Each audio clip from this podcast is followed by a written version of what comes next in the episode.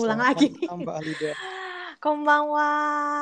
Arigatou gozaimasu. Ih, lama banget sih nggak muncul di podcast menit menarik nih Mbak Halida sih. Soalnya nggak nggak nggak ada yang ngundang sih sebenarnya. Jadi, Jadi- ya wes. Ini kan Halida terakhir tuh episode berapa ya? 5 apa 6 gitu. Terus Heeh, sekitar segitu. sekarang di muncul 11 itu.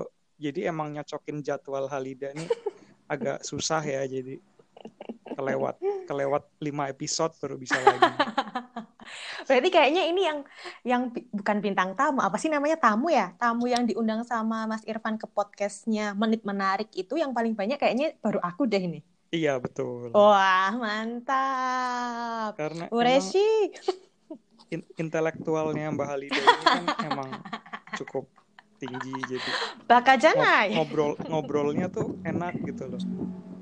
Tapi tetap ya, tetap ada apa namanya backsound backsound suara sirkuit di belakang Iya, tetap ya. betul. Dengan ciri khasnya ya.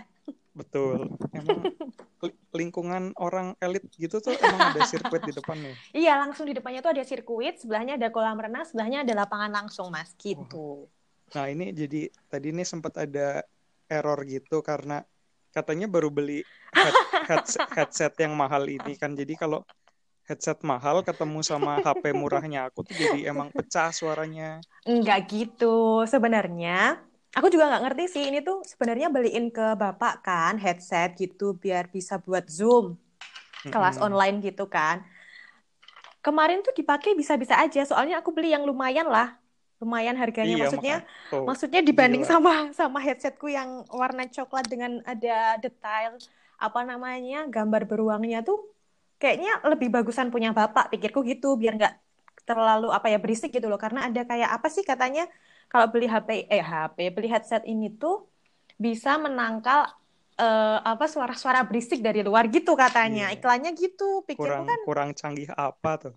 ternyata emang buat HP-ku ternyata buat HP-ku itu emang nggak nggak bagus Hmm gitu. Mm-mm. Kan beda nih sama HP-nya si pengusaha ya. Pengusaha apa namanya? Oh si and Sandi, Chips. Sandi Sandiaga Uno itu ya maksudnya. Beda. Sandiaga Uno-nya Purwokerto. Kan siapa Hmm. lagi kalau bukan? Oke, jadi kayak gini nih kita udah diskusi kan sebelumnya kayak briefing gitu. Ini kita Wah. ngomongin apa enaknya ya? Mm-mm.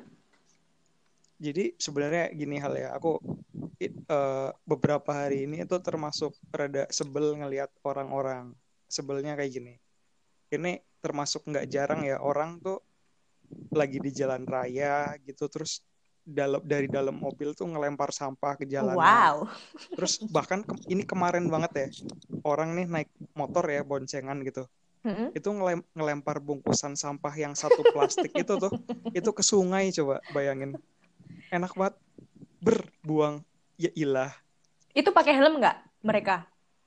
Yang depan pakai, yang belakang enggak. Sama saja itu pemirsa.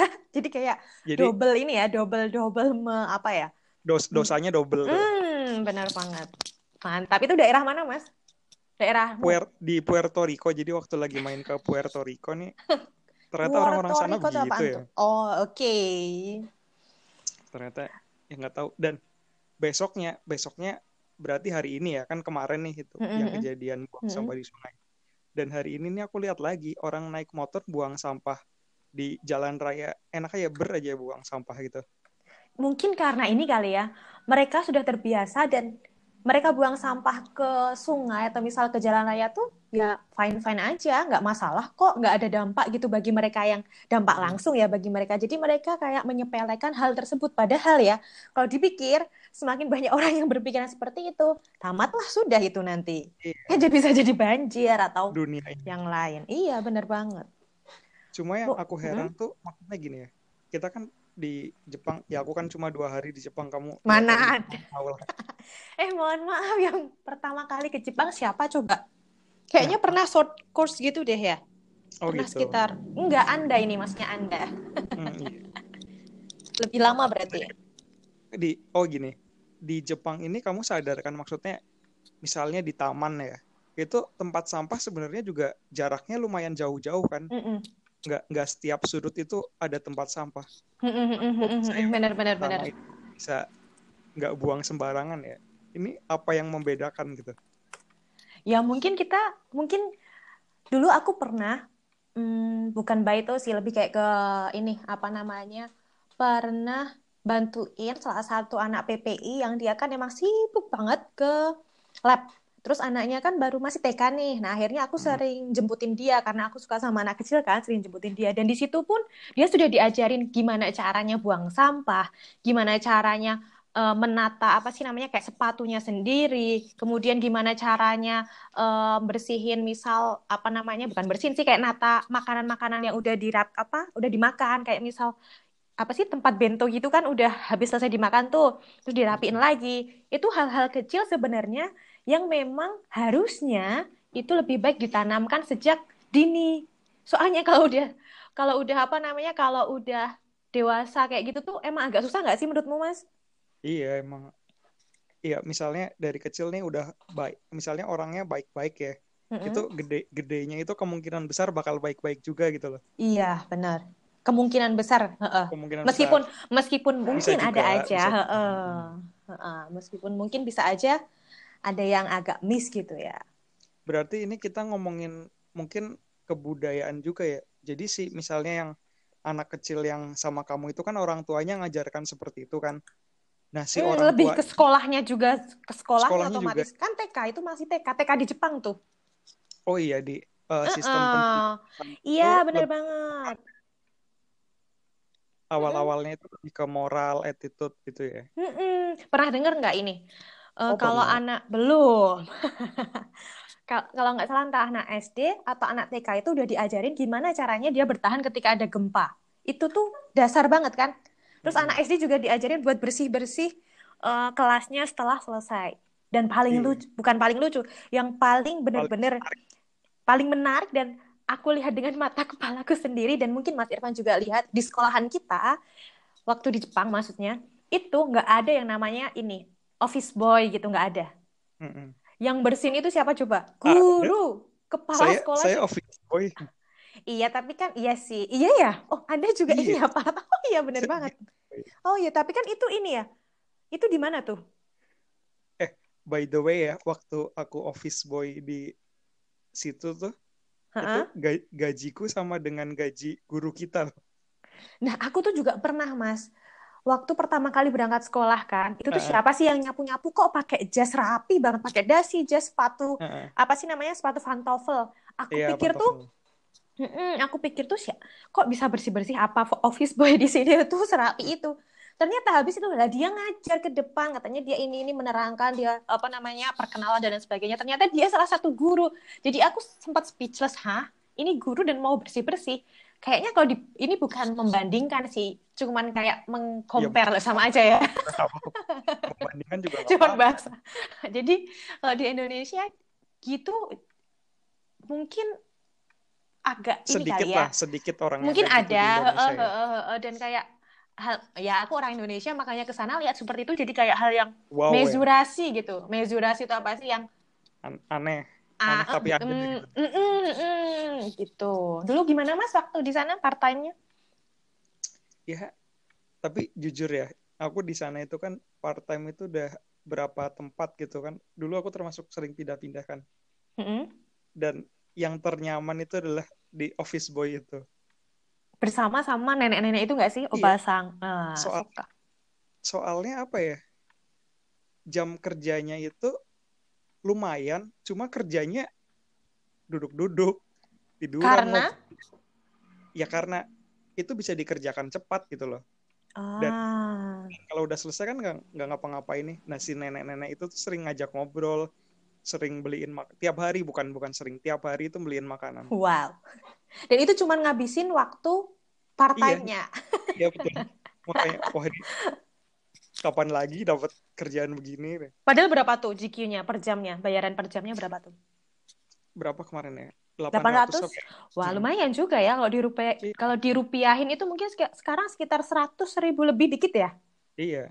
Wow, dan itu cuman ngobrol sambil nyemil, Iya. nongkrong-nongkrong kayak nongkrong-nongkrong bersama Obasang. Di situ tuh aku dapet ini ya, maksudnya satu sudut pandang gitu loh. Di sana kan Mm-mm. aku kerja sebagai tukang yang beresin eh, kelas ya. Mm-mm. Aku kayak ngeliatin gila itu kelas setelah dipakai tuh berantakannya bukan main tuh aku sebagai yang ngerjain kan capek nih Mm-mm. Jadinya ketika aku misalnya sebagai siswa itu aku punya sudut pandang aku nggak mau ngeberantakin ini kelas gitu loh. Karena kalau aku ngeberantakin ada orang lain yang bakal ngebersihin ini gitu loh paham nggak? Oh, jadi kayak nggak mau ngerepotin iya. orang lain. Oh, ya, ya, ya, ya, ya. ya kayak misalnya misalnya dulu kan juga kayak tukang sapu kan nyapu nyapu juga aku tuh. Ketika aku misalnya buang sembarangan sampah apalah sekecil apa pun itu ada orang lain yang bakal bekerja ngeberesin sampah yang kita buang tadi loh Hmm, mm, mm, mm, jadi mm, itu mm, bisa mm. mungkin kitanya buang sampah jangan sembarangan Iya, ya. Jadi kayaknya kalau orang Jepang tuh punya prinsip, kalau bisa jangan mewah aku, jangan gangguin orang lain atau ngerepotin orang lain. Mending ya individualis itu lagi ya, balik lagi ke individualis sebenarnya ya. Tapi memang nggak mau ngerepotin orang lain dalam artian, sebenarnya kalau di ini bagus sih. Misal kalau buang sampah nanti yang bersihin jadi kerepotan. Kalau misal nggak iya Terus ini juga kan, kalau di Jepang itu rata-rata setiap aku waktu makan di rumah rumah makan gitu, ini ya, hmm, apa namanya kayak bekas makanannya itu tuh ditaruh di tempat yang sudah dis- disediakan gitu kan.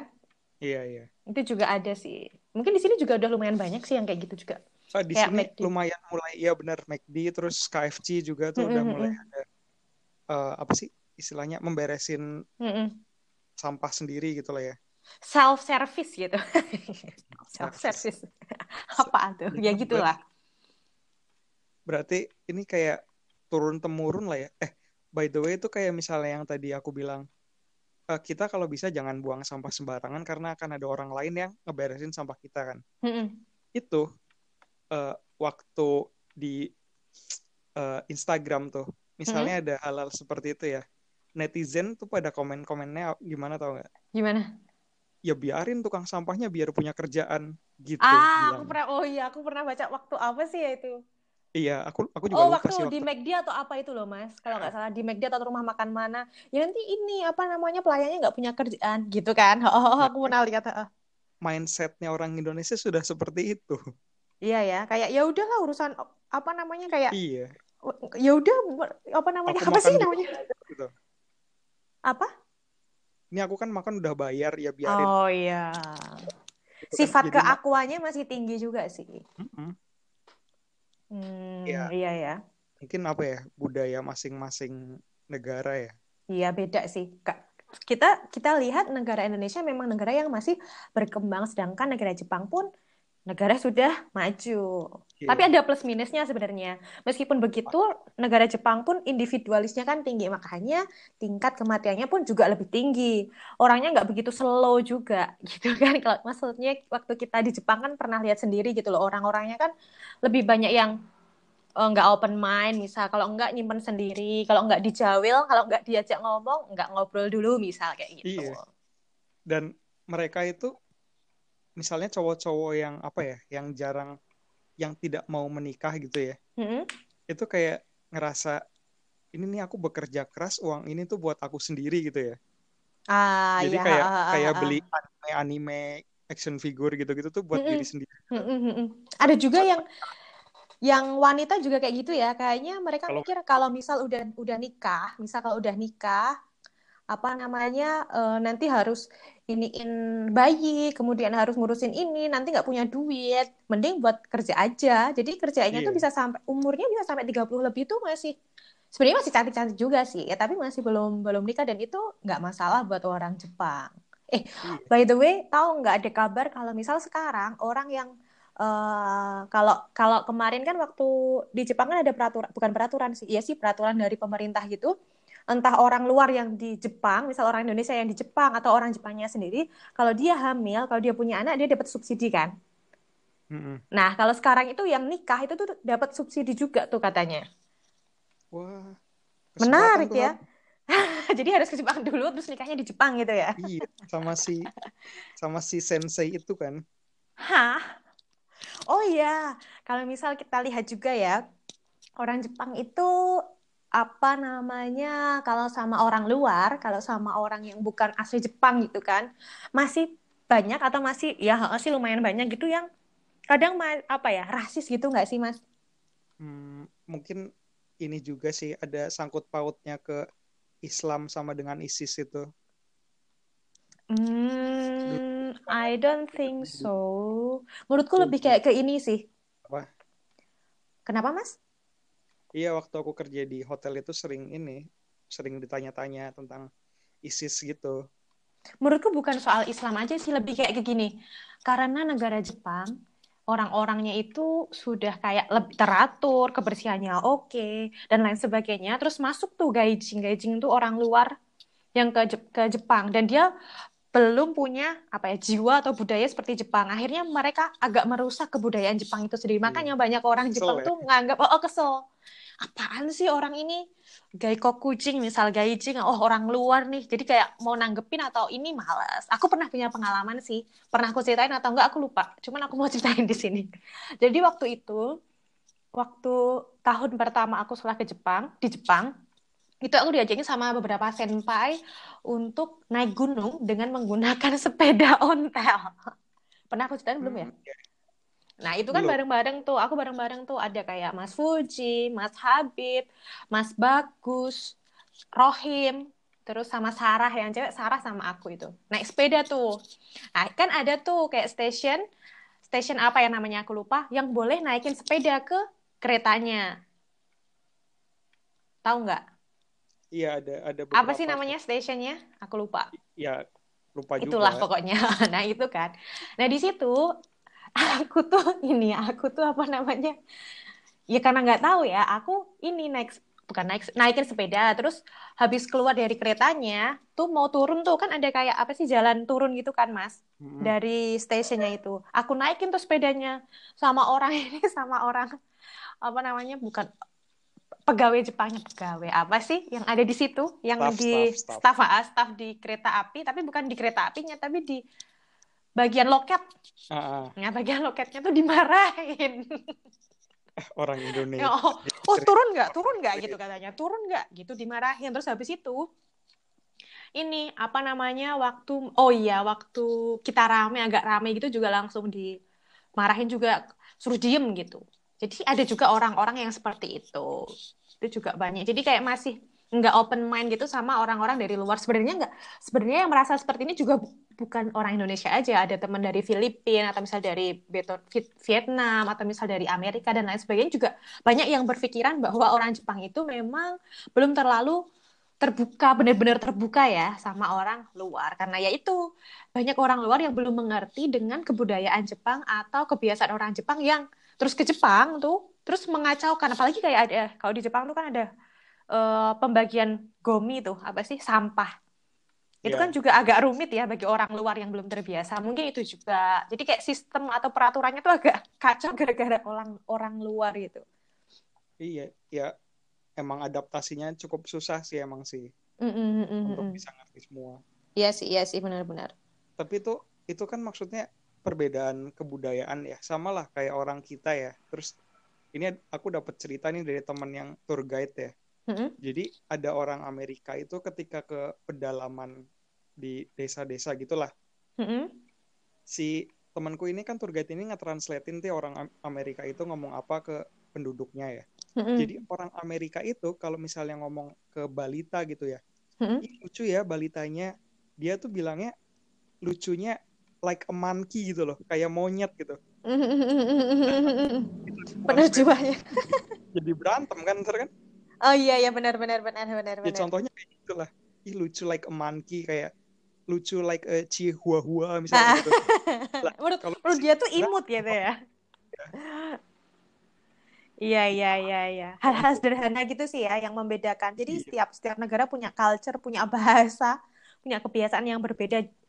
Jadi makanya dulu kan aku setelah di pariwisata tuh mas sebelum ke Jepang tuh itu kayak ada ini sih apa namanya kayak pengetahuan yang misal kalau orang luar, misal negara mana tuh orang luar or- orang luarnya seperti ini, kebiasaannya seperti ini. Jadi kalau misal kayak tour guide atau misal apa tuh jadi mungkin ngerti kali ya. Oh, ini sifatnya seperti ini. Kalau orang Jepang tuh oh kayak gini, kalau orang Amerika tuh kayak gini. Gitu juga ada sih. Iya, harus disiapin dulu sih emang. Iya, heeh, heeh, heeh. Apalagi kan buat karena hospitality kan kalau misal pariwisata kan jualnya ke situ juga.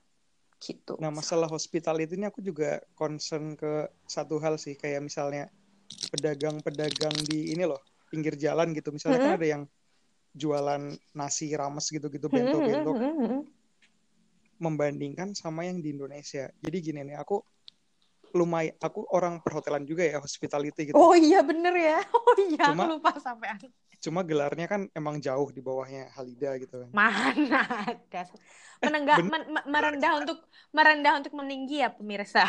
beneran loh gelar kita tuh tinggian kamu loh Terus terus lanjut gimana tadi? jadi aku D3 kamu D4 gitu kan Di empat mana? emang kamu D3 S1 kan? oh S- iya kan D4 sama Oh iya Oke, iya jadi- baiklah. kamu apa tadi Kayaknya. jadi misalnya nih kita ke warung gitu ya Mm-mm. sesuatu gitu ya itu lebih sering ya kalau di Indonesia ini lebih sering kita yang ngucapin terima kasih loh pembelinya pembelinya itu ngucapin terima kasih gitu Ah iya. penjual bahkan nggak ngucapin terima kasih ini beberapa sering terjadi gitu nah kalau di Jepang itu mungkin aku belum pernah deh beli sesuatu terus nggak diucapin terima kasih gitu Hmm, itu juga termasuk hospitality. Aku punya pengalaman menarik yang mungkin apa ya jarang aku temui di Indonesia. Jadi eh, waktu itu aku ke daerah Kusatsu Onsen. Jadi itu salah satu wisata yang terkenal di Gunma itu onsen dan itu banyak banget Onsen apa sih namanya? apa? Onsen itu ini apa namanya? Pemandian. pemandian air panas dan itu yang alami yang natural gitu kan itu banyak Iya. banget wisata wisatawan orang luar pun juga banyak yang dari Jepang nah aku tuh jalan-jalan di pinggir-pinggir itu kan ada banyak toko tuh. Aku masuk aja di salah satu toko sepatu. Aku Hmm. masih punya fotonya sih. Itu difoto sama Mas Fuji atau Mbak Putri aku lupa. Nah itu aku masuk ke situ. Kan emang lucu-lucu tuh sepatunya. Aku pengen nyobain lah. Pengen nyobain kan. Tahu nggak itu sama karyawannya? Sepatuku dibukain kakiku dibersihin itu terus disuruh pakein itu dibersihin lagi ditaliin. Aku bilang nggak usah nggak usah. Biar aku sendiri. Dia bilang enggak enggak enggak apa-apa. Aku pakein gitu mas. Coba. Itu cowok lagi. Maksudnya? Wah itu mah modus kalau itu. Enggak enggak lah. Itu beda. Jadi orang itu inisialnya pakai- adalah enggak itu itu staff. Itu aku pakai kaos kaki. Aku tuh pakai Oh, kaos iya. kaki juga. Jadi enggak terus dipegang itu ya bolong enggak. jempolnya. Enggak. Oh. Nah itu tuh aku sempat, weh, kok lucu sih ini. Aku bilang nggak usah, nggak apa-apa, oh nggak apa-apa, aku pakein, dipakein, ditaliin gitu sepatunya. Terus habis itu aku juga nggak beli sih sebenarnya. Dan dia nggak apa-apa, iya dia nggak marah. Dia nggak marah, mas, dia nggak marah. Oh iya nggak apa-apa, nggak apa-apa. Oh ini kurang cocok atau misal kayak apa? Oh nggak apa-apa. Dan dia tetap tersenyum dengan kan ada tuh senyum palsu dan senyum tulus. Dia tulus-tulus aja senyumnya, nggak masalah. Kalau di sini kan, misalnya aku pernah juga di mall gitu udah diikutin aja, dibuntutin gitu kayak mau nyuri aja nih. Kalau enggak dilihat dulu ada tuh, dilihat dulu dari apa busananya kalau kelihatan orang kaya dilayanin dengan setulus hati. Kalau orang yang biasa aja cuman pakai sendal jepit atau misal pakai celana pendek atau pakai kaos oblong gitu ya cuman mau beli apa? Gitu juga ada loh, Mas. Aku pernah Eh, dengar cerita-cerita. ini ini bukan pernah dengar cerita aku pernah ngerasain sendiri jadi Oke, di waktu Indonesia. di, di Indonesia di Tangerang Ah, nih Heeh. di salah satu mall ternama wis kita kan nggak boleh nyebut merek nih di salah satu Nanti mall di-endorse. ternama dengan brand tertentu. Jadi aku aku nih termasuk buta brand-brand terkenal ya. Heeh. jadi dulu sempat kayak masuk ke salah satu brand aku nggak tahu itu apa jadi ada ada jaket bagus nih. Heeh. terus ini aku mau nyoba. Mau nyoba terus si mbaknya nih bilang "Eh, mohon maaf kak sebelum saya eh sebelum nyoba saya memberitahukan dulu untuk ini harganya adalah sekian sekian sekian gitu Jadi, anda melihat muka saya kelihatan tidak mampu membeli atau ya emang tidak mampu sih cuma oh gitu Ya kan pengen nyoba aja gitu kan iya ya. makanya jadi emang terjadi gitu loh Oke, jadi mereka ngerasa jadi jadi pelayanan di Indonesia itu memang belum sebagus ya. Je- kalau Jepang mah mungkin bagus di antara negara-negara nggak cuma Indonesia ya sepertinya. Iya, Kayaknya di kayaknya. nega- Ha. eh, eh, dari negara lain pun tetap bagus-bagus aja gitu. Aku juga Iya. pernah aku juga pernah aku nggak sengaja. Mungkin kalau kamu tahu, aku tuh agak gerusah-gerusuh gitu orangnya. Gerusah-gerusuh Ha. itu apa sih? Eh, Tergesa-gesa. ya Nah, gitu kan. ya Aku pernah di salah satu mall di Maebashi. Aku sama temanku. Nah, aku kan sering, aku kan suka pakai apa tas ransel kan. Tas ransel aku tuh Mm-mm. suka pakai. Aku di ini Mas, di mana yang ada Indomie, Indomie, Indomie itu apa sih? Iya, Kaldi. Ah, Nah, itu kan aku di sana. Di sana kan ada kayak wine juga, ada kayak Indomie, ada makanan. Asia juga banyak. Dan halal juga, ada yang halal juga, makanan halal juga. Nah, di sana kan aku tuh nggak tahu, Mas, kalau di belakangku tuh wine. Hmm. Aku tuh mecahin wine-nya, Mas. Ke, ke Wow. apa? Ke apa? Apa tasku itu? Tasku itu apa sih? Apa sih namanya? Eh, Resleting. ngenain. Enggak, tasku tuh ngenain ini wine-nya. Dan itu wine mahal kayaknya, yang tinggi banget kok. Aku juga nggak tahu Buat- sih itu. Jadi buat- tapi itu apa namanya?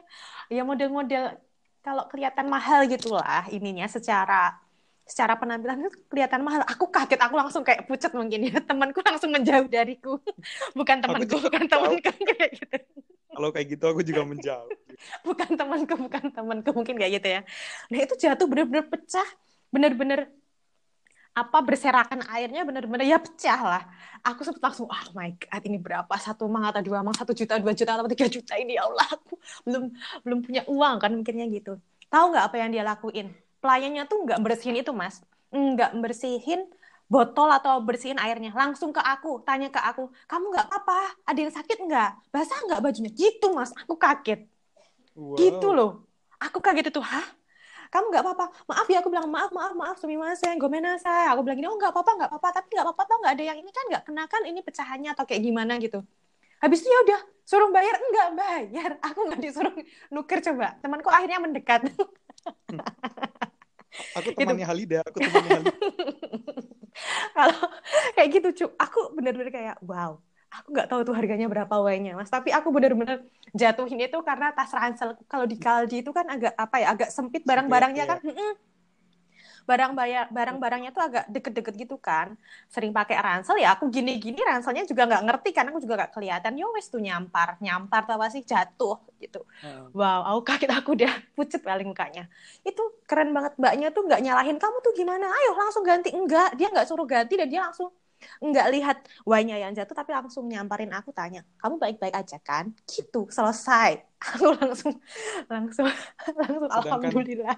Di Indonesia di mana-mana selalu tertempel memecahkan berarti membeli ya. Iya, oh, oh bener banget. Di situ nggak ada, aku belum pernah lihat deh kayaknya di Jepang. Iya. Atau mungkin aku emang nggak tahu. Mm-mm. Atau mungkin kita memang nggak bisa baca kanjinya ya juga sih. mungkin mungkin mungkin tapi dari pengalamanku itu ya mereka mungkin ini kali ya eh apa namanya benar-benar menera- menerapkan kalau pembeli itu adalah raja. Pembeli itu Iya. adalah yang utama itu. Jadi nggak cuman diomongan nggak cuman di slogan aja tapi memang benar-benar diterapkan. Dan itu oh my god keren banget keren keren banget Dan itu adalah hasil didikan sejak kecil ya kayaknya. ya. Sejak kecil, sejak kecil mereka diajarin. Kamu tahu kan anak-anak TK atau anak-anak, anak-anak TK tuh kan kalau berang, oh ini sepupuku yang dulu Hmm. pernah ketemu itu kan. Nah dia kan SD di sana tuh. Dia berangkat sekolah waktu salju dia juga sendiri dan dia nggak apa-apa. Tapi tetap ada kayak senseinya yang nungguin di mana atau gimana gitu. Hmm, iya, iya. Udah dilatih kemandiriannya lah ya. Mm-mm, iya benar. Aku pernah Keren cerita nggak ya yang waktu aku kerja waktu internship di hotel tuh kan jagain kayak makanan prasmanan gitu kan. Belum belum belum cerita. Itu tuh ada kayak antrian gitulah mau untuk mengambil satu makanan gitu. Mm-mm. Nah, di antrian itu tuh ada anak kecil gitulah, mungkin SD kelas 2 kali atau kelas 3 Hmm. itu kayak nyelonong antrian gitu. Itu di depan di depan orang-orang tuh bapaknya ngeplak kepalanya tuh anak kenceng banget. Oh ya? Iya. Jadi nggak boleh nggak boleh nyelip antrian gitu. Dan Wow. orang lain tuh kayak biasa aja. Biasa aja. Hmm. Kecil juga dididiknya seperti itu mungkin ya. Mungkin kalau orang Indonesia yang di sini lihat kayak gitu ngeplak Kasihan. ngeplak kepala anak langsung dibikin viral tuh. Viral. Bapak, bapak Iya, masuk ke mengeplak, lambe turah. mengeplak. Udah selesai Beneran tuh. tuh aku aku sebagai orang Indonesia tuh ngelihat buset nih dikeplak. Oh bener-bener keplaknya tuh bukan kayak ditoyor gitu loh, ditampar gitu kepalanya. Mungkin menurut mereka hal-hal yang tidak sesuai dengan apa ya habit ah, bukan habit apa sih namanya peraturan itu tuh Hmm. kayak hal yang memalukan gitu loh. Mereka Iya. malu dengan hal itu. Itu Iya, adalah hal yang benar-benar memalukan dan itu haram dilakukan. Mungkin kayak gitu kali ya. iya sih bener sih dan agak susahnya tuh di Indonesia orang tua juga menurutku apa ya kayak uh, memanjakan juga ada salahnya juga sih jadi kurang apa ya kurang, kurang tegasnya gitu loh. Mm-hmm. Ya sih ya sih. Ya mungkin karena ini kali ya kayak mungkin anak pertama atau mungkin karena anaknya gitu. Tapi tapi ini ya Mas cerita cerita pribadi pribadi uh, ya pribadi mungkin sama lihat sama lingkungan di sini. Rata-rata orang Jawa misal kayak ya Jawa lah itu tuh biasanya udah kan ada tuh bahasa kayak orang Jepang juga ya ada bahasa kromo inggil kromo alus hmm. apa namanya yang satunya lagi apa yang kasar itu dan lain sebagainya uh, nah ngoko, itu ngoko. nah ngoko nah itu mereka kan udah jadi diajarin dari kecil apalagi kalau misal yang satu keluarga tuh pakai bahasa kromo inggil atau bahasa kromo alus gitu dipakai di kehidupan sehari-hari biasanya mereka agak respect gitu Misal yeah. ada orang tua di jalan, monggo, matur nuwun, kulon nuwun, itu dipakai dan itu benar-benar menurutku bagus sih sebenarnya kalau memang bisa diterapkan sampai besar. Matur yeah. nuwun, monggo. Oh, tinggal pun kayak ada basa-basi juga kayak gitu. Dan apa ya? Iya, ada lebih lebih menghormati orang yang lebih tua sih jatuhnya sih. Nggak, mm -hmm. nggak cuma di dalam keluarga tapi bisa di luar juga. Uh, uh, dan dan sebenarnya habit atau attitude atau apa ya? Oh ya habit mungkin ya, habit, Benar, attitude. Habit. Attitude juga itu dari kecil emang harus ditanamkan biar besarnya tuh nggak terlalu jauh-jauh amat gitu loh, nggak terlalu rusak-rusak amat, nggak iya. terlalu songong-songong amat juga.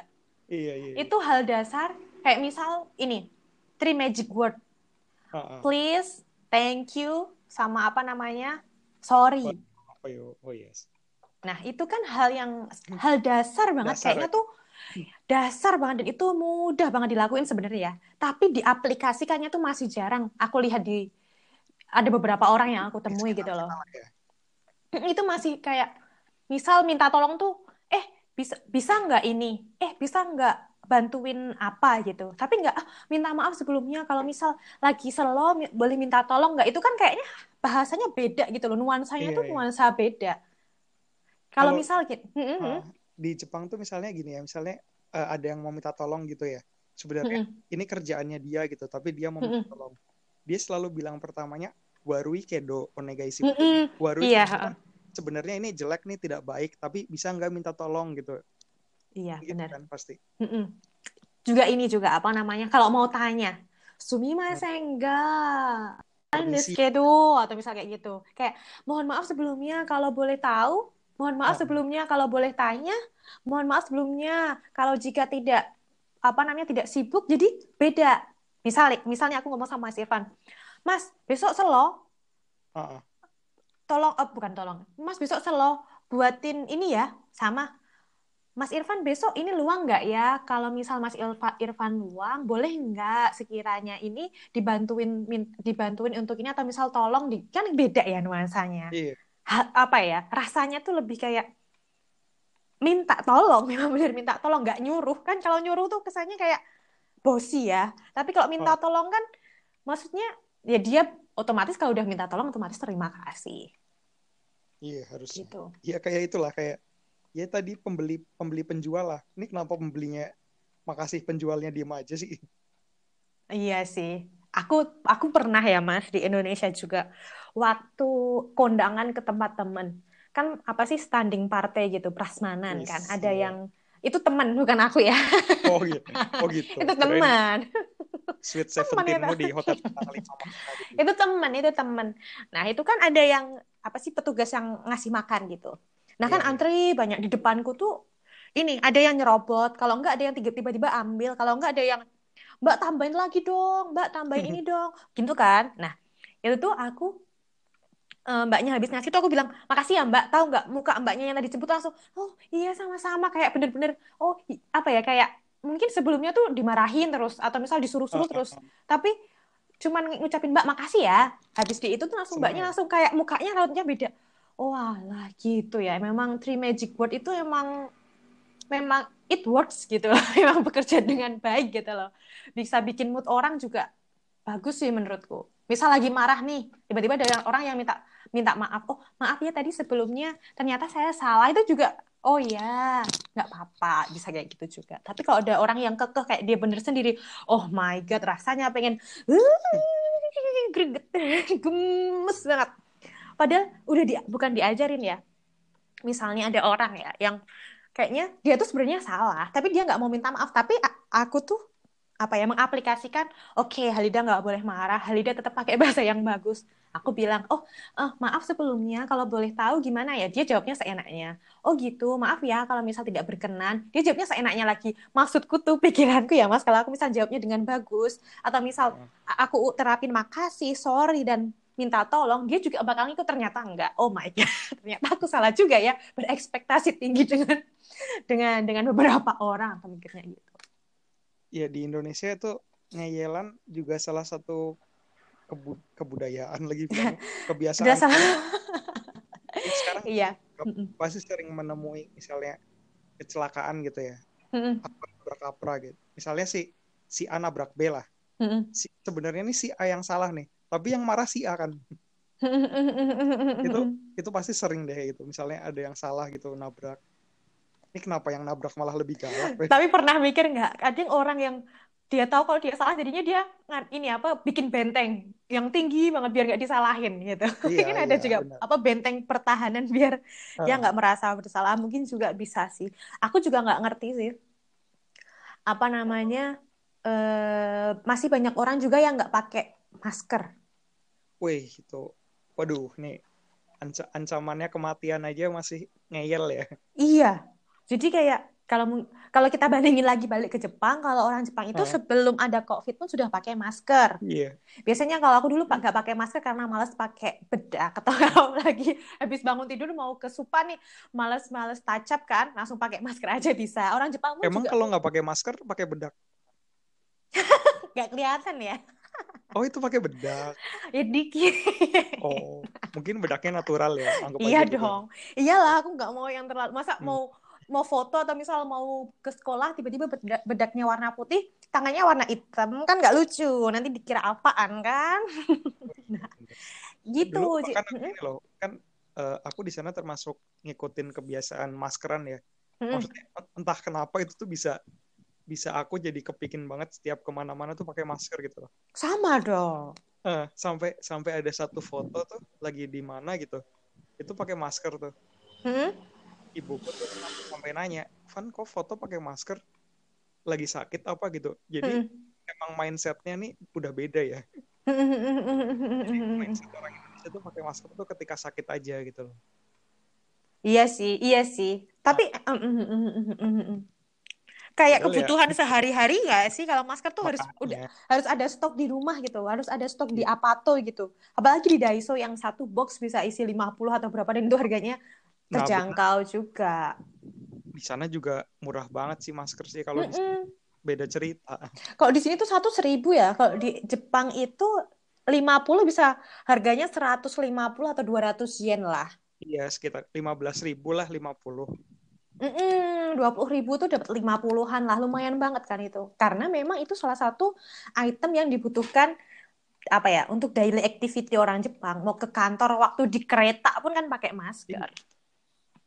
Iya emang sih.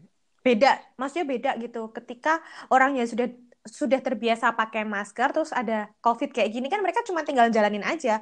Bahkan kemarin aku sempat waktu ini dapat kerjaan apa namanya kemarin jadi interpreter itu kan akhirnya oh. ngobrol banyak tuh sama sama sama apa.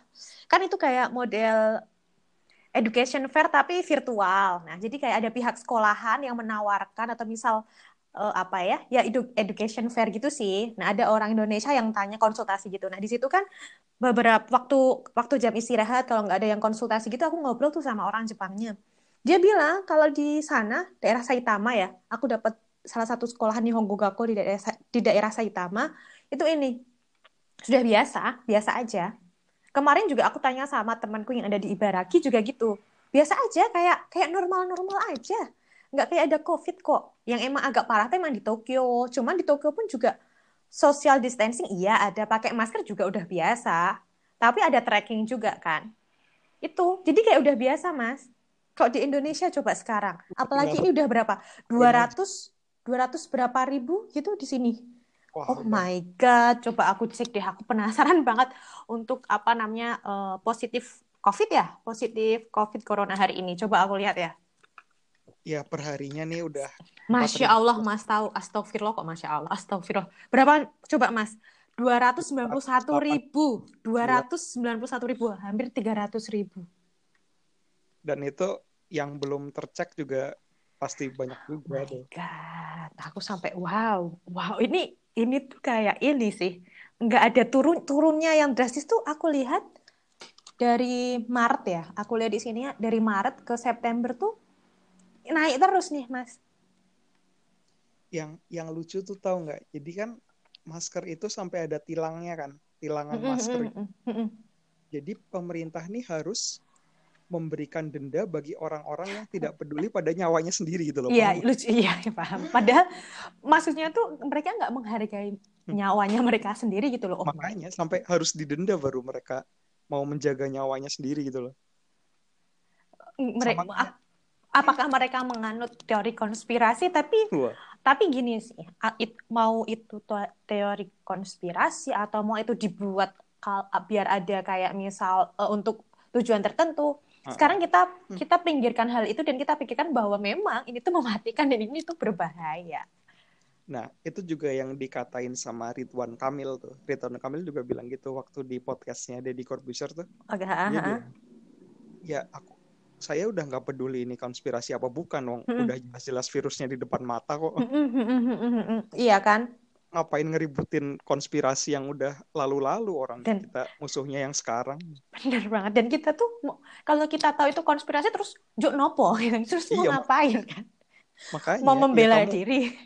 kamu kena juga mati-mati juga gitu loh kalau misalnya berkonspirasi. Apalagi Sebenarnya sama kayak ini hal kayak kayak eh, make helm naik Oh iya, ha. itu kan helm itu kan buat kalau kita kecelakaan kepala kita nggak pecah gitu kan Mm, nggak nggak nyampe meninggal gitu Mm, mm, mm. tapi itu sampai ada tilangan untuk helm kan Mm, mm, mm, mm. itu kan sebenarnya memaksa orang buat melindungi kepalanya sendiri kan. Iya, heeh. orang Indonesia tuh sampai seperti itu gitu loh Mereka mungkin mungkin mungkin ini kali ya. Eh, mungkin di lingkungan kita memang belum banyak yang sadar bahwa hal-hal sederhana seperti pakai helm, pakai masker itu dampaknya tuh luar biasa. Hmm, Ke- kecuali kalau mereka udah ngadepin, nah baru mereka sadar gitu. udah lagi kejadian ya Tapi gini Mas, jujur ya, aku pribadi pun kadang agak ini, kadang agak bingung juga dengan COVID ini. Awal-awal Maret kekhawatirannya tuh tingkat tinggi, meskipun orangnya kan masih dikit tuh yang positif. Tapi semakin ke sini tuh kekhawatiran itu agak kurang, tapi orangnya makin tinggi tuh yang kena. Karena kayak kayak apa ya, kayak awal-awal kan emang bener-bener strict gitu loh, bener-bener ketat. Kitanya sendiri sadar bahwa oh ini ada, oke virus ini ada. Tapi lama-kelamaan kan udah jenuh tuh dengan ketidakpastian apa pun dari pemerintah misal atau misal eh, nggak ada vaksinnya kayak wis lah pasrah aja. Tapi ternyata langsung melonjak tinggi gitu loh. Iya udah. Apa ya ada udah. gonjang-ganjingnya juga kayak dulu nggak nggak apa namanya yang pakai masker yang sakit. Terus habis itu yang pakai masker semuanya. Terus habis itu nggak boleh pakai masker apa. Sekarang nggak boleh pakai masker scuba. Jadi kayak ya namanya kita belum pernah ngadepin pandemi seperti ini. Jadinya ya semua hal baru dan informasi informasi atau misal ada hal-hal yang sudah diputuskan tiba-tiba berubah ya kita memang nggak tahu hidup hidup di hidup di kehidupan yang uncertainly gitu ya. Apa sih ketidakpastian dengan hal yang tidak pasti kan? gila bahasa Inggrismu jago bahasa Jepang jago wah gila idaman Cuman tahu itu aja BTW. Oh, gitu.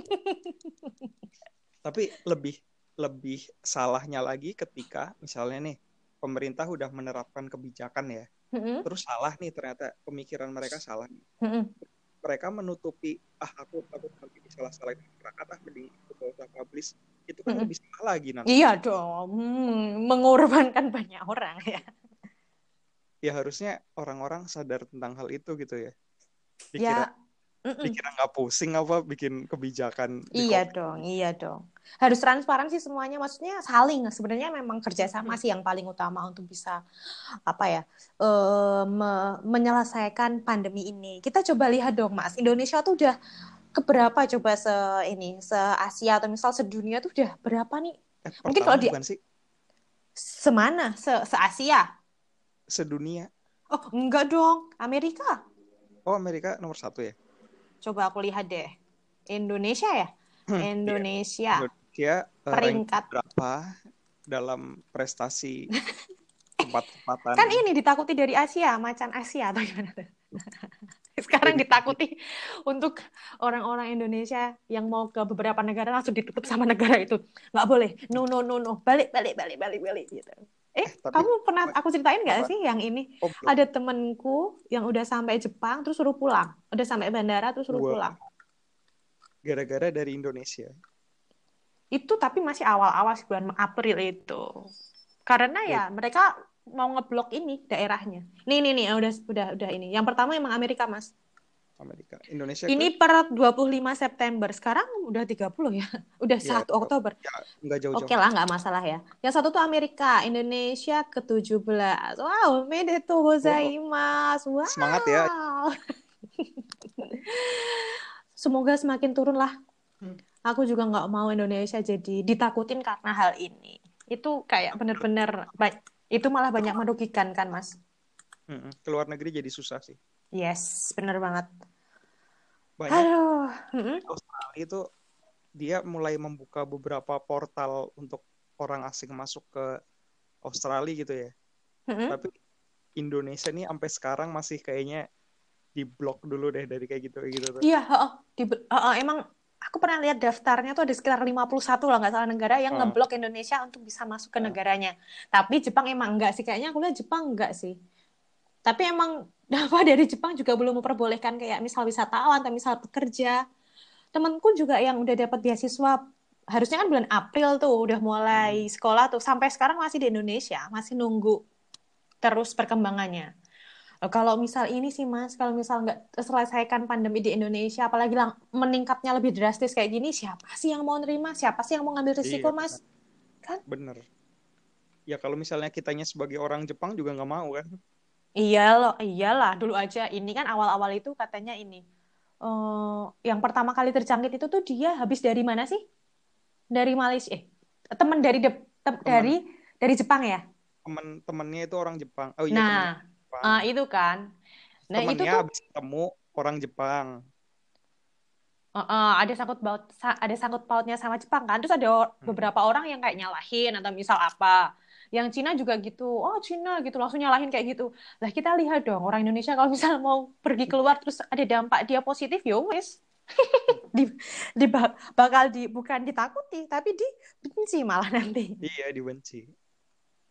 Bener-bener kalau ngomongin ini sih emang nggak ada nggak ada habisnya sih. Yang bisa kita sekarang ya ya kita kita harus konsen ke diri kita ke keluarga kita sendiri. Kita nggak bisa lihat kanan kiri depan belakang kalau kita belum belum melindungi diri kita atau keluarga kita. Yang bisa kita yang bisa kita jalani ya ingatkan orang terdekat dulu. Gitu. Dan mikirin orang lain juga lah ya, jangan mikirin sendiri. Mm-mm, Jadi ya iya itu pasti. bener bener kayak yang di Instagramnya bintang Emon tuh ya yang ya lu kena covid ya mati mati sana gitu. Tapi jangan bawa bawa orang lain dong. Hmm, iya benar. Oh, oh benar benar benar benar. Ya, kalau kalau mau mati ya mati sendiri. Hmm, hmm, hmm, ya susah lah emang. Tapi Iya sih. Jepang Mm-mm. maksudnya Jepang aja dengan yang disiplinnya seperti itu aja masih ada terus ya? Iya di daerah Tokyo itu. Aku disiplinnya luar biasa gitu loh Iya masih tetap ada masih tetap kecolongan itu. tapi gini sih ya maksudnya aku bisa ngelihat dari dua sisi ya misalnya misalnya nih aku contohnya aku sebagai pekerja yang digaji misalnya ya Mm-mm. itu kayak kayak yang pasti ngerasa udah capek lah udah bodo amat sama covid lah Mm-mm. main-main aja tapi ini berhubung aku sebagai pengusaha ya entrepreneur ya Mm-mm. itu wah kerasanya pengen nih orang-orang kampret yang yang tidak peduli nih mending udah pergi aja sana lah soalnya bagi pengusaha tuh tercekik beneran sih Iyalah, iya. Dampak ekonominya ini banget ya, Mas ya. Apalagi Iya. makan. Tapi makanan tuh sebenarnya kayak misal delivery order kan lebih aman gak sih, Mas? Aku aja semenjak pandemi ini banyak banyak GoFood. iya kalau untungnya aku untungnya nih ya dulu aku memang punya kayak plan ya Mm-mm. aku ngebangun nama dulu tuh lewat online online gitu terus Oh, oke. ya setelah udah punya sedikit nama lah buka nih tempat makan ya mana tahu bakal ada corona ya Iya, tapi sekarang ya tapi kan meskipun ada corona tetap jalan aja tuh, ya kan? Tetap buka cabang nggak sih? Itu ada berapa cabang sekarang, Mas? eh nggak 50. nah itu juga salah satu yang di enggak yang yang baru tempat baru itu juga lumayan ngeri sih Oh ya? Banyak yang berdampak gitu? Eh, soalnya kan jadi itu kan ada kayak event-event gitu ya Ah, ah, ah. Belum jadi satu tuh Oh, jadi model kayak live musik gitu ya? iya kayak gitu kayak gitulah Hmm, terus ada hmm. boothnya di pinggir-pinggir gitu Wah, wah, wah, wah. enggak kan staffku sih bukan aku yang kena logo gitu Tapi ini Mas, aku kan kamu juga tadi dengerin apa sih podcastnya Ridwan Kamil yang sama Dedi ya. Nah, Hmm. aku juga dengerin yang Deddy Corbuzier sama Corbuzier apa sih namanya aku susah. Dedi sama si Iya. Rai. Rai, eh, Rai apa sih? Siapa namanya? apa sih Ade Rai, Ade Rai. Rai. Itu juga ada hal yang aku petik so akrab gitu. banget sih lagi rai-rai Kayak temen aja ya. Kayak Kayak temen temen. nongkrong. Iya. Ade Rai itu ya. Itu ada satu hal yang bikin aku juga mikir. Gini kata dia. Sebenarnya dia kalau dikatakan takut juga kita nggak tahu sih. Cuma dia bilang gini. Yang paling mematikan ketika adanya COVID itu waktu kita tidak senang. Salah satunya dengan kita dijauhkan dengan orang-orang terdekat kita, social distancing dan lain sebagainya. Karena hal-hal tersebut bisa mempengaruhi juga kayak turun imunitas dan lain sebagainya. Cara paling ampuh untuk mematikan orang itu bukan dengan eh, bukan dengan kayak misal makanan yang berbahaya atau sebagai lain sebagainya, tapi dengan menjauhkan dia dari hal-hal yang dia sukai atau misal dari orang yang dia iniin. Kan dulu eh, kayaknya banyak orang yang sudah tahu bahwa ketika orang itu sakit, obat yang paling ampuh itu ketika dijen- dijenguk atau ditemani sama orang-orang terdekatnya kan, Mas. iya Nah, itu juga aku sambil mikir, iya bener juga sih. Iya sih. ya kembali ke pikiran lah Mm-mm. Ketika pikiran kita lagi stres pasti imun turun kan Iya, heeh, benar banget. itu itu nggak cuma covid deh pilek aja masuk itu pilek Emang, bener banget. Kalau enggak, kalau yang punya mah langsung mah. iya mah langsung asam lambung naik sampai kepala pusing bisa tipes Covid langsung. juga Itu kan ngaruh juga. Makanya gimana caranya kita tuh move on katanya itu. Kita tuh move on dalam arti move on-nya ini ada iklan ya, ada iklan nih, suara-suara efek-efek. iklan Apa iklan namanya batu. Apa namanya? Nah, itu salah satu misal kayak batu gitu kan. Itu juga bisa jadi stres juga. Nah, Iya. ini ah, aku tadi ngomong apa sih? Apa sih Mas? Aku lupa. batuk jadi stres Enggak, se- sebelumnya terus itu. ketika stres itu imun menurun terus penyakit Hmm, masuk jadi flu dan batuk lagi jadi gara-gara batuk kita stres imun turun batuknya nggak selesai-selesai jadi kita harus Iya, ya, heeh, ya benar itu sih. Aku sampai kamu lupa tadi. menanggapi serius perkataanku barusan nih Aku lupa Mas, aku lupa Mas serius. Aku lupa tiba-tiba langsung ada salah satu iklan masuk terus langsung blank. Astagfirullah. Ini sih Astagfirullah lebih kayak ke ini move on. Nah, kita tuh move on. Hmm. Move on-nya tuh enggak, maksudnya move on dari keadaan yang gini-gini aja. Jadi misalnya kita kita menyadari bahwa ya udah kita terima nih COVID COVID ada. Sudah enam bulan kita pandemi seperti ini. Sudah enam bulan kita mau berfoya-foya atau bersenang-senang dengan leluasa emang agak susah.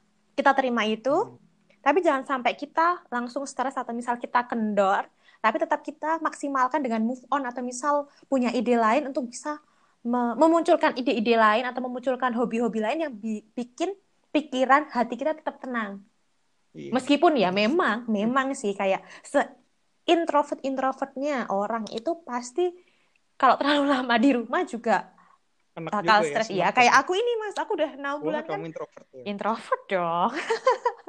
Anda pendiam ya berarti. ya? Iya dong. Kelihatan. Introvert kan nggak harus pendiam yang kayak pendiam banget, tertutup Hmm. banget kan enggak. Mas kan ada tipe-tipe yang lain Bukan, kalau nggak salah ya. Nah, itu Me tuh ada me time, me time. Nah, nah emang harus me time, Mas. Harus punya hobi lah, hobi yang dia senangin atau misal dia suka gambar ya gambar, dia suka eh, misal ketemu dengan banyak orang, mungkin sekarang ada Zoom Meeting atau Google Meet dan platform platform lainnya itu juga bisa digunakan ya. Move on-nya gitu, cari celah, cari hal lain yang bisa menyesuaikan dengan keadaan ini sih. Karena kita nggak bisa nyalahin. Misal nih, biasanya aku suka traveling, misal harus ke sini, harus ke situ, terus ada pandemi, terus kita jadi kayak ngelokro, jadi stres karena nggak bisa, terus memaksakan itu, malah jadi malah jadinya nanti nggak baik. Pulang-pulang nanti bawa jadi OTG, kita nggak tahu di rumah siapa. Oh my god, kasihan banget kan. Jangan sampai kan astagfirullah gitu. Astagfirullah. Iya, intinya kita sadar diri lah ya. Kita bukan cuma kemungkinannya kita aja yang meninggal, tapi kita bisa bawa bawa penyakit Yep, itu tuh itu yang paling lain. menyakitkan, itu yang paling menyakitkan Dan- dan paling jangan dan sampai lah amit-amit. Menyakitkan misalnya keluarga sendiri kan amit-amit ya. Mm-mm. Kita kitanya ngebawa dari luar terus Mm-mm. keluarga sendiri yang kena kan juga bisa seperti itulah. Iya, benar, benar, Jangan, benar, jangan benar. sampai harus disiplin lah. intinya tuh meskipun gini, meskipun emang ya kita tuh emang nggak bisa apa ya, nggak bisa seperti negara Jepang yang seperti itu. Ya nggak masalah, Betul. it's okay, nggak masalah. Kita Nggak tuh masalah. beda. Orang Indonesia tuh juga spesial kok. Aku suka sama orang Indonesia yang bersosialisasinya tuh tinggi. Terus Siapa tenggang rasanya tinggi. Indonesia siapa? Bersosialisasinya tinggi. Sosialisasi suka, suka Hah? sama orang Indonesia katanya yang yang mana nih? enggak, beda. Mohon maaf. Oh, bukan Maksud- yang itu. Enggak, masyarakat Indonesia. Masyarakat Indonesia. Oh, masyarakat Indonesia tuh aku juga suka kenapa sosialisasinya tinggi, tenggang rasanya tinggi, tolong sifat tolong menolongnya juga tinggi. Tapi hmm, ya udah tetap jadi diri kita, tapi tetap keadaan seperti ini ya kita coba deh, kita coba deh habitnya nggak dirubah meskipun terlambat ya nggak meskipun terlambat juga, meskipun baru sekarang nggak ada kata terlambat gitu loh. Untuk Benar, harus benar. mengucapkan terima kasih, tolong, maaf, terus apalagi harus bersikap baik, harus jangan buang sampah sembarangan, harus pakai masker, harus pakai helm, harus mengucapkan permisi atau misal apa itu nggak ada kata terlambat untuk itu. Harus tetap harus dirubah karena memang apa ya setiap orang itu nggak ada kata selesai sebelum dia meninggal, nggak ada kata selesai belajar sebelum dia dipanggil oleh Yang Maha Kuasa. Jadi harus move, harus selalu bergerak ke jalan yang positif. Itu sih harus maksimal, harus jalan ke positif. Gitu mungkin kali ya. eh, eh, jadilah benar walaupun seribu orang lainnya salah, tetap aja kamu kalau benar ya lakuin hal yang benar itu gitu. Iya. Jangan ngikutin seribu orang lain yang salah. Jadilah Ya, itu- berbeda. Jadilah berbeda dengan kebaikan kan, Mas? Iya betul. Contohlah Halida ini yang berbuat baik di mana-mana dengan menyempatkan waktunya di podcast ini. Loh, maaf ya jadi Eh, jadi aku the pengen minta maaf nih aku Mm-mm. ngambil satu jamnya kamu tuh sebenarnya ada meeting ya katanya tadi ya. Apaan sih ya? Enggak sih, sebenarnya suka sih. Seneng diajak ngobrol sama sama senpai yang oh my god, senpai ini benar-benar berprestasi Oke, sekali. jadi itu Sekarang punya podcast episode 11 kali ini. Makasih banyak hal ini udah jam Eh. recording jam satu malam jadi ya. Eh, by the way, by the way aku mau tanya nih sebelum closing. Eh, viewersnya udah berapa nih menit menarik yang logonya tuh ciamik banget. Eh, by the way logo itu dari ini Halida yang desain katanya Mas logomu kok bling bling banget sih Kayak anak metropolitan tau gak? Sebelumnya tuh kayak ada cahaya hijau kuning merah dengan for eh, for, for your information itu template dari sananya ya Oh, Oke, sorry. bukan sorry. buat sendiri ya Tapi maksudnya kayak kayaknya ini terlalu mainstream deh. Kayaknya banyak yang pakai background ini. Kayaknya Iya. podcastnya Mas Irfan tuh harus jadi yang menarik. Akhirnya jadi menit Setuju. menarik dengan konsep yang Xiaomi. Wes. terima kasih Kohai yang baik bukan saya? Kohai yang Dari- baik bukan? logo itu tuh sponsor-sponsor mendekat sih dilihat dari logonya doang bukan obrolannya Eh, by, by the way, kalau podcast ada iklannya nggak sih? Nggak ada ya? Eh, one day kan ini bakal jadi besar ya Hmm, Oke, amin. Tapi jangan lupa sih, jangan lupa sama kacang ya. Sama kulit kacang, lupa sama kulitnya. Jangan lupa sama kacang. Ya lupa sama kacang nggak dimakan kulitnya buang lah Ya, aku intinya aku tunggulah besok paling ada kayak kepiting Oke, atau cumi kasih. gitu ya datang ke rumah. untuk kali ini semoga sehat-sehat ya Have a nice day. Have a nice day semuanya. Semoga bermanfaat ya obrolan yang ya. tentang apa sih ini kita tadi aku bingung arahnya ke mana. Oh, arahnya tentang habit, attitude. tentang COVID inilah. Semoga kita semoga kalau misal pandemi selesai kita bisa merapat bersama ya maksudnya merapat Betul. dengan teman-teman kita dengan iya. geng kita dengan keluarga kita dengan lebih leluasa. Nggak kayak sekarang harus dibatasin.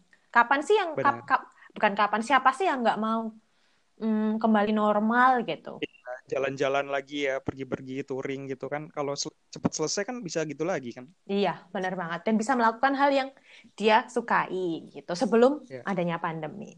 Semangatlah tetap semangat stay iya. healthy yeah. stay lovely. Loh slogannya baru bikin stay lovely stay healthy semuanya. Semoga selalu okay. diberi kesehatan. Bye bye bye bye